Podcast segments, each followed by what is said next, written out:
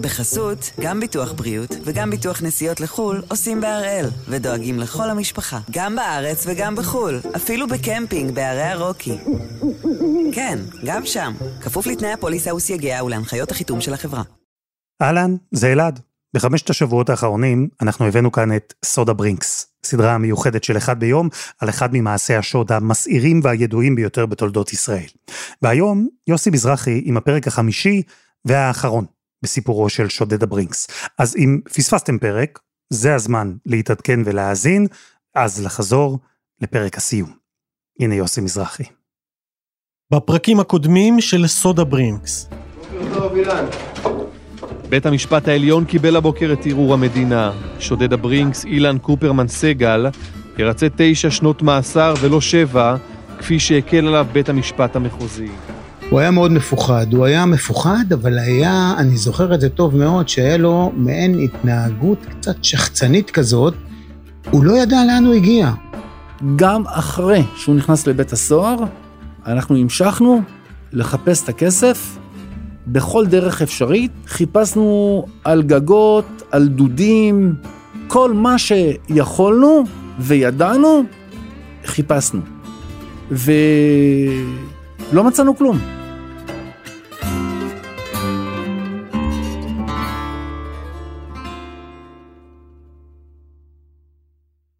באוגוסט 2014 הוגשה לבית המשפט המחוזי בחיפה בקשה רשמית, אישית, בכתב יד.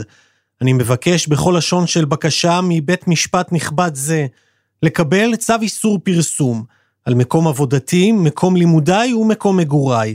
התקשורת ממררת את חיי, מגיעה לי הזדמנות להיות ככל אזרח.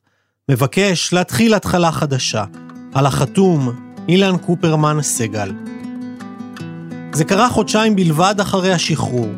כששער הכלא נטרק מאחוריו, אילן מצא עצמו כאסיר משוחרר בן 44, בלי בת זוג, ללא ילדים או מקצוע, ועם אות קין על המצח, כזה שמאוד קשה להעלים. אפשר להגיד שהבקשה הזו שהגיש לבית המשפט מגלמת בתוכה את הפער בין המציאות לעולמו של אילן. אצלו בראש הוא הקורבן, עבריינים ועיתונאים מחפשים אחריו, מטרידים אותו, וללא הצדקה. אילן חולם לחזור לאנונימיות, לחיות מתחת לרדאר כמו לפני השוד, רק הפעם עם כמה מיליונים, ולכן הוא פונה לבית המשפט כדי לקבל הגנה. ושם הוא נתקל במציאות, לפיה אילן הוא עבריין שבדיוק סיים לרצות עונש של 11 שנות מאסר, ועדיין מסרב לגלות היכן הכסף שהחביא. והדבר האחרון שהמערכת רוצה, זה לתת לו את האנונימיות הזאת, לסלול לו את הדרך לחיים נוחים. וזו גם הסיבה שבית המשפט זרק אותו מכל המדרגות. הבקשה כמובן נדחתה. עכשיו הוא צריך איכשהו להתחיל מחדש. ואחרי כל התלאות שעברו עליו, יש לו הזדמנות לשלוף את השקים עם המיליונים שהחביא, ולהתחיל לחיות כמו בן אדם. אז האם הפשע ישתלם? האם שני מיליון השקלים שנשארו לו היו שווים 11 שנים בכלא? ידעתי שמשם עשיר הוא לא יצא. שמחת? אני לא עוסק ברגשות של אה, שמחתי או לא. רק מה, אם אנחנו מדברים על החוכמה שלו, החוכמה זה להגיע לה גם, גם לתוצאה הסופית. מה התוצאה הסופית שהוא הגיע אליה? אני יוסי מזרחי, וזה סוד הברינקס.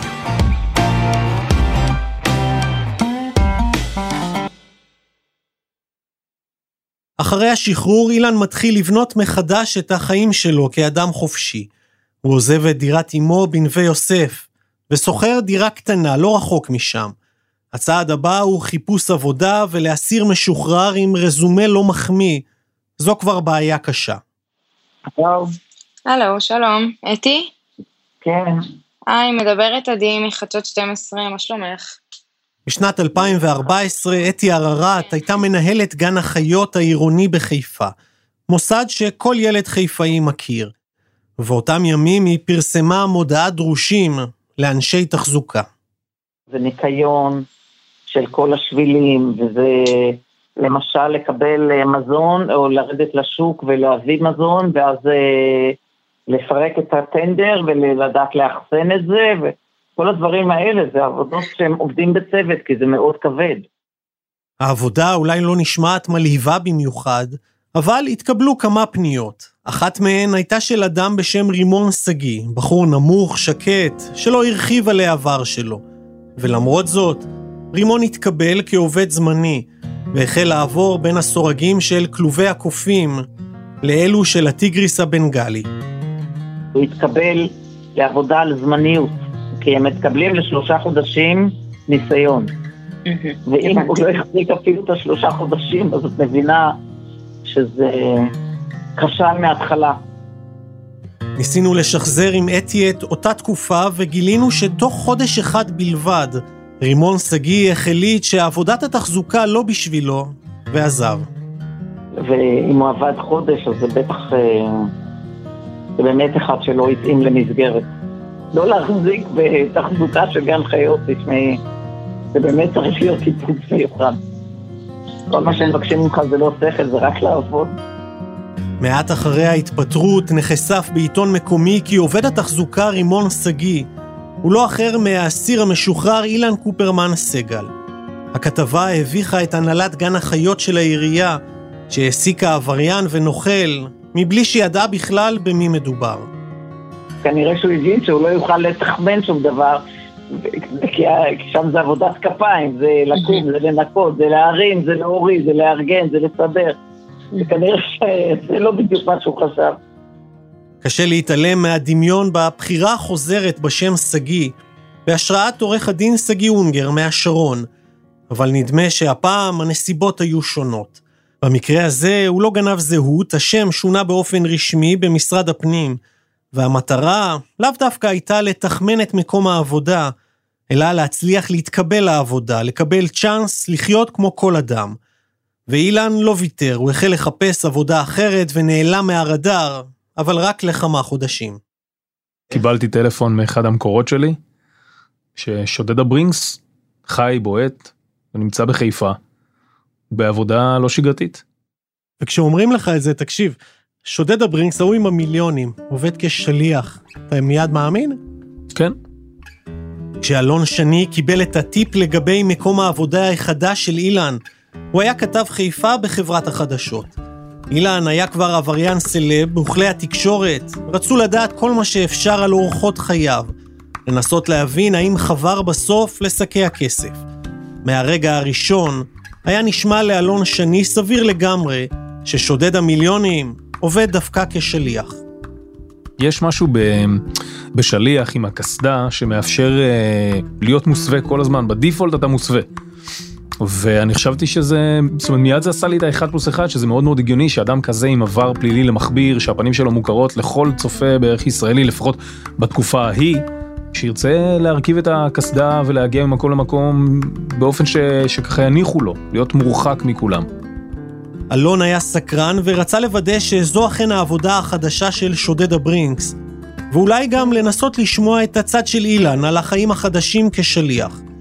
תחקיר מקדים העלה שבמסעדת הג'ירף אין שום שליח שעונה לשם אילן קופרמן סגל או רימון שגיא. אבל איזו הפתעה, יש אחד שעונה לשם שגיא סגל. אלון הצטייד במצלמה קטנה והתמקם בפתח יציאת השליחים מאחורי המסעדה, בציר מוריה. ואני מגיע לשם, ופשוט מחכה ואורב לרגע הנכון, שבו אני אראה שליח עם קסדה, שלרגע כשהוא מוריד את הקסדה, אני מזהה שזה אכן אותו שודד ברינקס, שזה אילן. ואז אני ניגש אליו, ואז אני מתחיל לתעד את הכל במצלמה הנסתרת. מה שאלת? אם אני זוכר נכון, סיפרתי לו סיפור שאני בעצם אה, מחפש עבודה בעצמי כשליח, ושמעתי שמחפשים בג'ירף אה, שליחים, והאם הוא ממליץ על העבודה, ושיספר לי קצת על, אה, על היומיום שלו ועל העבודה, אתה יודע, לנסות לשאוב ממנו מידע. ובאיזשהו שלב אני עושה טוויסט בעלילה, ואומר לו, אתה נראה לי מוכר. איך קוראים לך? שגיא, למה? שגיא? ואתה עובד פה בג'ירף בתור מה? מה אתה רוצה בדיוק? לא הבנתי. אתה נראה לי מוכר, אתה לא... תקשיב, תקשיב, תקשיב. מה אתה מחפש? ברגע שאמרתי לו, אתה נראה לי אה, מוכר, אתה לא שודד הברינקס, ואז הפלתי את אה, צמד המילים עליו. אני מחפש את אה, שודד הברינקס. טעית. זה לא אתה? לא, זה לא אני. בטוח שזה לא אתה? כי אתה נראה לי מאוד מוכר. תקשיב, אני מכיר אותך. לא, אני לכן אני שואל אותך, שגיא אתה אומר? אני, אני שואל אותך שאלה, אני מכיר אותך? לא, אנחנו לא מכירים. יפה. שאלת אותי שאלה, עניתי לך בצורה הכי הכי מנומסת. עכשיו, אתה כרגע מטריד אותי. אז הבנת אותי מה שאמרתי לך? אתה בחור נחמד? אני גם כן נחמד. תכבד אותי כמו שאני מכבד אותך. ובשלב הזה בעצם מתחיל אה, סוג של מרדף. הוא רץ אחריך? הוא התחיל לרוץ אחריי, ולאחר מכן גם אה, הבעלים או מנהלי הסניף אה, בחיפה של הג'ירף התחילו אה, לרוץ אחריי. מה, רצו לעזור לו או להגן עליך? רצו לעזור לו. אתה מטריד פה את הבן אדם, אתה מציק לו, יש לו חיים פרטיים, אין לך שום זכות בעולם לשבת איתו על הברית. זה כמו בחורה, אם בחורה לא רוצה, אז אתה צריך לעזוב אותה. אני מדבר איתך בצורה תרבותית, יפה, לא מאיים עליך, למרות שאתה מקליט את השיחה, נכון. אתה תעזוב את הבחור בשקט. מבחינתם, לגיטימי לגמרי להעסיק את האיש, ואנחנו עושים לו עוול בזה שאנחנו חושפים את המקום שבו הוא עובד. התאכזבת לגלות או לגלות לאחרים שההוא שאמור היה להיות מיליונר עובד כשליח, אז יכול להיות שזה לא הצליח. Hmm. או שזה סיפור הכיסוי הטוב ביותר אה, שאנחנו נתקלנו בו בשנים האחרונות. אתה ואתה. עדיין חשדן. אני חשדן כל הזמן.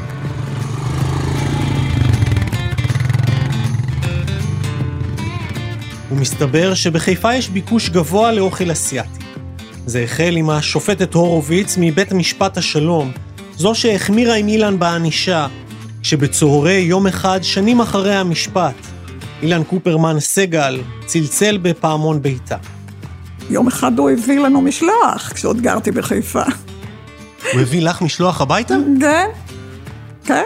אני הזמנתי משהו מג'ירף, הוא הביא לי משלוח, הוא מיד זיהה אותי, ולא חיכה לטיפ וברח. מהר מאוד השופטת הורוביץ גילתה שהמפגש הזה לא היה ייחודי. כי התובע במשפט, עורך הדין יחיאל ליפשיץ, זה שדרש עונש כבד, גם הוא רעב לפעמים לנודלס. יחיאל ליפשיץ, שהיה התובע שהיום הוא שופט, סיפר לי שגם לא קרה את זה, שגם אליו הוא הביא משלוח. כן, אבל בינתיים, כאילו, היינו מצפים שהוא יהיה בקריבים, אבל הוא, הוא שליח של ג'ירף. השליח של הג'ירף, שגיא סגל, כנראה דהר הרבה על כבישי חיפה בשנים האחרונות. אחרת, אין דרך להסביר את העובדה שדפק על הדלת של כל כך הרבה דמויות שליוו את חייו. חוץ מהשופטת והתובע בתיק שלו, אילן הגיע גם למשרד של קובי בלה, מי שהיה המדריך שלו בפנימיית רננים, כשאילן היה רק בן עשר. ובאיזשהו יום פה הוא הגיע אליי למשרד כשליח. שליח, הוא הביא משהו. חיבוקים ונשיקות ו... ו- אילן. שאלת אותו? איך החיים? כן, כן, כן, אבל תראה, הוא דיסקרטי לגמרי. חוץ ממה שהוא חייב להגיד, הוא לא יגיד לך כלום.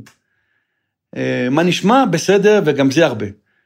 אה, לא מה, אני, מה אתה עושה? ואה, כן, תשמע, אני רוצה להתחתן, הוא אמר לי פעם, שיש לי איזה מישהי, הבאתי תאילנדית, הבאתי מישהי מחו"ל, אני לא רוצה ישראליות, אני... תאילנדית כישראלית בטח תכיר אותו. משהו כזה. אה, הוא כן. הוא התבייש שהוא ראה אותך? לא, לא, ההפך. מה זה, בשמחה וב... תשמע, הוא לא בשפוף, לא נעים לי, אני מתבייש. לא, הוא במלחמה. הוא כל הזמן במלחמה על החיים. תראה, אחרי שהוא עושה שוד, הוא עובד, לוקח קוטנוע ועושה שליחויות. הוא לא עכשיו הולך לגנוב או, או לשדוד עוד פעם בנק, או, הוא, הוא רוצה כאילו לחזור למוטב, הוא לוקח קוטנוע ועושה שליחויות. ואחרי שהגורל או הרעב הפגישו אותו עם האיש שהכיר כילד קטן לפני ההסתבכויות, וגם את אלו ששלחו אותו לכלא ל-11 שנים, לאילן הזדמן מפגש אחד נוסף. מפגש פסגה עם האיש שהיה איתו בשריונית, ברגע ששינה את חייו, יצחק ציטונה. הבן שלי שירת בחיל הים בחיפה, אוקיי? וזה היה כזה בתחילת השירות שלו, ונורא רצינו לפנק אותו ביום שישי בערב שהוא נשאר בבסיס, ולא נתנו לו להיכנס לבסיס, אתה יודע, זה חיל הים. אז חיכינו לו בחוץ שם, באיפה שהתחנת אוטובוס, ואז עמד איזה רכב בצד בתחנה, ולא יצא מהרכב. וככל שאני מסתכל, אני רואה מישהו מוכר, וזה היה אדון קופרמן.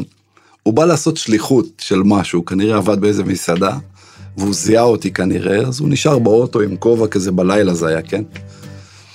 זהו, פשוט הסתכלתי עליו והוא הסתכל ו... וזהו. אילן השתדל להתרכז בעבודה כשליח ולהימנע מצרות. זה הצליח לו לפחות לזמן מה.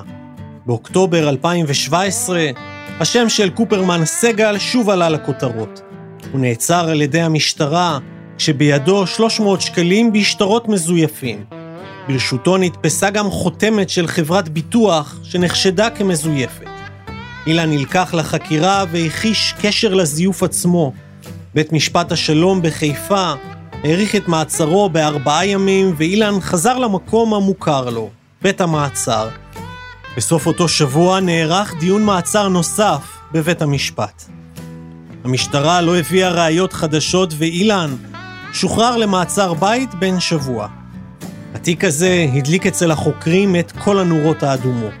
נוכל מוכר, חובב זיופים שכבר הסתבך עם כסף בעבר, אבל בשורה התחתונה, התיק נסגר ללא כתב אישום ואילן ניצל, לפחות בינתיים. בשלב הזה של הסיפור בטח כבר הבנתם. אילן לא זכה לשתות קוקטייל צונן על החוף בקריבים, כמו שאולי חלם. כמה שנים אחרי השחרור שלו, די ברור שהתוכנית שלו לא עבדה עד הסוף. בכל מקרה, אילן כנראה היה זקוק מאוד למשכורת הלא גבוהה של שליח, ובאורח חייו אין דבר שרמז על אושר בעין, וגם לא באלף. אז איפה הכסף? האגדות על גורל שקי הכסף של הברינקס עדיין מרחפות מעל הכרמל. לפי חלקן, הכסף עלה באש בשנת 2010 בשרפה הגדולה ביערות הכרמל. מעשיות אחרות טוענות שהמיליונים נמצאים מתחת לאלפי יחידות דיור של נאות פרס, שכונה חדשה שנבנתה בחיפה בזמן שאילן ישב בכלא. למשטרה הגיע גם מידע לא מאומת, לפיו אילן שילם למשפחת פשע מקומית כדי שתגן עליו, עד שנותר חסר כל. למרות התחכום והמיליונים הפוטנציאליים, נראה שאילן נותר אותו עבריין משכונת נווה יוסף, לחוד בתוך נסיבות חייו והדפוסים שסיגל לעצמו מגיל צעיר. ותיקי השכונה של אילן, שחיכו שנים לגלות מה יעלה בגורלו, נשמעים מאוכזבים לנוכח העובדה שהמפורסם היחיד שיצא מהשכונה הקטנה, הפך שם נרדף לכישלון. אדם שישב 11 שנים בכלא עבור סכום לא גדול במיוחד שכנראה לא נהנה ממנו. אבל הוא קצת שם את נווה יוסף על המפה, לא? איזה שם? מה הוא שם? הוא שם אה, כישלון גדול. מה זה שם? מה הוא שם אותנו? אילן קופרמן היה נחשב לגיבור כאן? לגיבור? לא, לא, לטיפש. לטיפש. כי את החלק הראשוני הוא עשה מושלם, אבל בסוף אה, טעה בגדול. זה שהוא הסגיר את עצמו הוא מטומטם, כבר עשית משהו, תמשיך הלאה. יצאת חתיכת אפס, תמשיך הלאה. ולמרות הכל, בשכונת נווה יוסף בחיפה, שמענו גם קולות אחרים. במקום שבו מתגוררים נתמכי סעד, אנשים קשי יום שחיים בשולי החברה, ומרגישים שלמדינה יש אחריות למצבם הכלכלי. מה הפלא שישנם כאלו שהם מצדיקים את המעשה עצמו. אילן אולי לא הצליח להתעשר, אבל מה שחשוב בעיניהם זה המסר, לפיו אילן הצליח לדפוק את המדינה בחזרה. כל הכבוד לו שהוא לקח את הכסף. כל הכבוד לו. אם אפשר לקחת מהמדינה, למה לא? יש כסף מהמדינה, זה כסף לא שלך ולא שלי. זה של הבנק. אז למה לא? הוא לא דפק את הבנקים, בגדול. זה ברינקס, כי אנחנו אחראים על הכסף, ואנחנו לקחנו אחריות על הכסף. אבל uh, ככה זה נראה בציבור. ואת זה לא הבינו כל כך, שהנה, הוא לקח מהבנקים. הוא לא, הוא לקח מברינקס. 20 שנים אחרי, יצחק ציטונה, האיש שהחל את הקריירה כראש צוות עם שריונית חסרה, התקדם והיום הוא כבר מנהל מחוז הצפון של חברת הברינקס. ציטונה גילה לנו שקופרמן הצליח באמת לעשות שינוי עולמי, לפחות בנהלים של חברת ברינקס. קודם כל, מאז האירוע, באמת, החברה ברינקס היא לקחה את זה למקום של הפקת לקחים, עשו תחקירים גם פנימיים בכל העולם, והבינו שמשהו כנראה בתהליכים אה, לא היה נכון, וצריך לטפל בזה וצריך לתקן את זה. וזה מה שעשו. אנחנו היום בעולם אחר. עם כמה מדינות ברינקס עובדת? ברינקס אה, עובדת עם אה, מעל 50 מדינות. הנהלים ב-50 מדינות השתנו בגלל אילן קופרמן סגל אחד מנווה יוסף? יכול להיות, אבל זה אירוע שרץ בכל העולם, והם למדו ממנו לקחים. בסופו של דבר, אם אני מנתח אחורה, ואני רואה את עצמי היום, הוא במרכאות עשה לנו טוב. במרכאות. אז מי שחושב היום לעשות מכה דומה, שישכח? תראה, מחשבות תמיד טוב לחשוב, זה בסדר. ולמי שעוד חושב, כדאי להקשיב לעצתו של אחד שיודע. באמת, כאילו, אמיתי, אני מתנתק מהיותי שוטר. זאת גניבה פשוטה של אדם פשוט, ששילם עליה מחיר מאוד מאוד גבוה, ואני לא יודע מה בתוצאה סופית נשאר לו ביד. גם אם נשאר לו מיליון שקל או מיליון וחצי שקל, המחיר הוא ללא הלימה ביחס לעונש שהוא שילם. גמלאי המשטרה, מאיר ממן, עדיין מקווה שיום אחד יגיע לתחנת זבולון חוקר צעיר, שאפתן, ועקשן לא פחות ממנו, ואולי יצליח לעשות סוף לפרשת הברינקס. אנחנו נזכה לשמוע פעם שנמצאו שקי הכסף? באחת הראיונות אני אמרתי שכל במבה שהוא יקנה, אנחנו נדע מזה. זה היה נכון עד לתקופה מסוימת. מאז עברו 15 שנה, הזמנים השתנו, המפקדים השתנו, שוטרים חדשים התגייסו שלא מכירים בכלל את הפרשה הזו. אז אני לא יודע בדיוק מי יטפל בזה. אני מקווה שכך יהיה. ובראייה לאחור, ספק רב אם השוד הזה ישתלם לאילן, לא כלכלית ולא אישית. הוא שילם מחיר יקר כמו כל עבריין, רק שכאן, בגלל שניסה לעבוד על כולם כל הזמן, לעשות צחוק מהמערכת, הוא שילם מחיר כפול ומכופל כשהמערכת סירבה לשחרר. אחרי סבב הפרדות מהדמויות שלנו, נשאר לנו עוד חוף קטן לקראת סיום. הייתי חייב לגלות מה בדיוק אילן עושה בימים אלו, לאן התגלגלו חייו ולהיכן התגלגלו שקי הכסף. אז פנינו לכמה חוקרים פרטיים, אבל אלו התקשו באיתור שלו. נדמה לרגע שאילן הצליח בניסיון שלו להיעלם גם מהאינטרנט ומהרשתות החברתיות. כמה ימים לפני סיום הפרק החמישי שלנו, הטלפון רטט והתקבלה הודעה מיזהר מחברת צ'קנט, חברה שמפעילה טכנולוגיית בינה מלאכותית לצורך איסוף מידע ממקורות גלויים. הצלחנו, הוא כתב, איתרנו את אילן ולא תאמין במה הוא עובד עכשיו. יזהר גם צירף מספר. כן. הלו. כן. שלום, הגעתי באינסטלטור? כן, איך הגעת אליי? דרך פרסום בפייסבוק. כן, איך אני יכול לעזור? אי אפשר היה לטעות, לא בקול, לא בסגנון החשדן. זהו שודד הברינקס, ועכשיו הוא אינסטלטור שמתגורר בדירה שכורה בכרמל. סריקה של העמוד שלו באתר דפי זהב מגלה שהשם שוב השתנה, וגם בתמונות הוא נראה אחר, צעיר יותר. בדיקה נוספת של חברת צ'קנט גילתה שהתמונות כנראה הועתקו מאתר של אינסטלטור אחר מהמרכז, מין הרגל שכזה. באותו עמוד נכתבו גם תגובות מהחודשים האחרונים לאינסטלטור הטרי. אדם מומחה ואיש ישר כתב גולש אחד, ואחר הוסיף, המחיר הוגן מאוד, איש אדיב ואמין.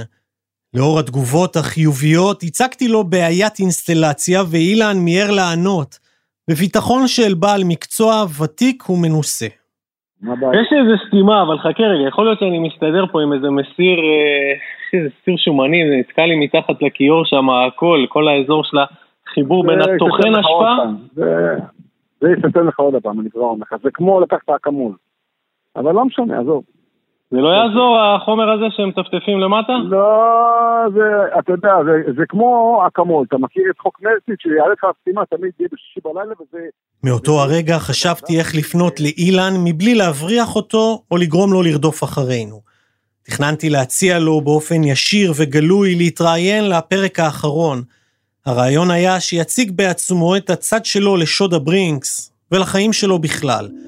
חשבתי לספר לו על התגובות החמות לסדרה, על האנשים שהתרגשו מהסיפור שלו, מהילדות הקשה בנווה יוסף, מהמעברים בין הפנימיות, מאבא האלכוהוליסט שישב בכלא, מהחזון הסוציאליסטי שליווה אותו כנער, ומעמיתי מהחשמליה ביגור, שלקח אותו תחת חסותו.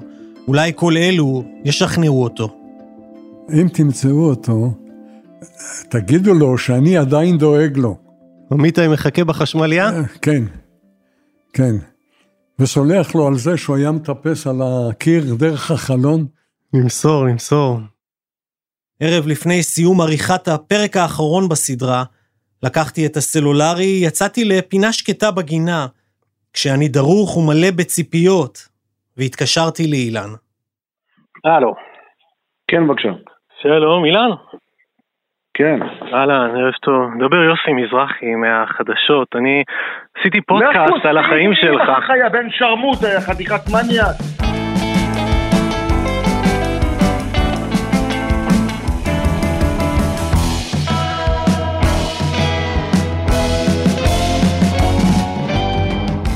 זה היה סוד הברינקס, סדרה מיוחדת של אחד ביום. העורכת והמפיקה היא עדי חצרוני, מיקס ועיצוב סאונד יאיר בשן. רום אטיק הוא מנהל מחלקת הפודקאסטים של N12. בצוות דני נודלמן, רוני ארני ושירה הראל. כל הפרקים שלנו זמינים באחד ביום בכל אפליקציות הפודקאסטים. אני יוסי מזרחי, ואם במקרה טיילתם בכרמל ונתקלתם בשקי הכסף, אשמח שתשלחו location ישירות לוואטסאפ.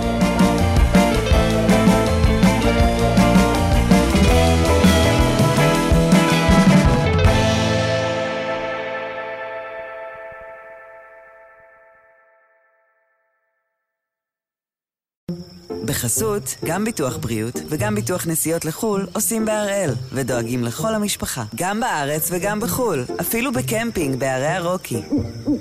כן, גם שם, כפוף לתנאי הפוליסה וסייגיה ולהנחיות החיתום של החברה.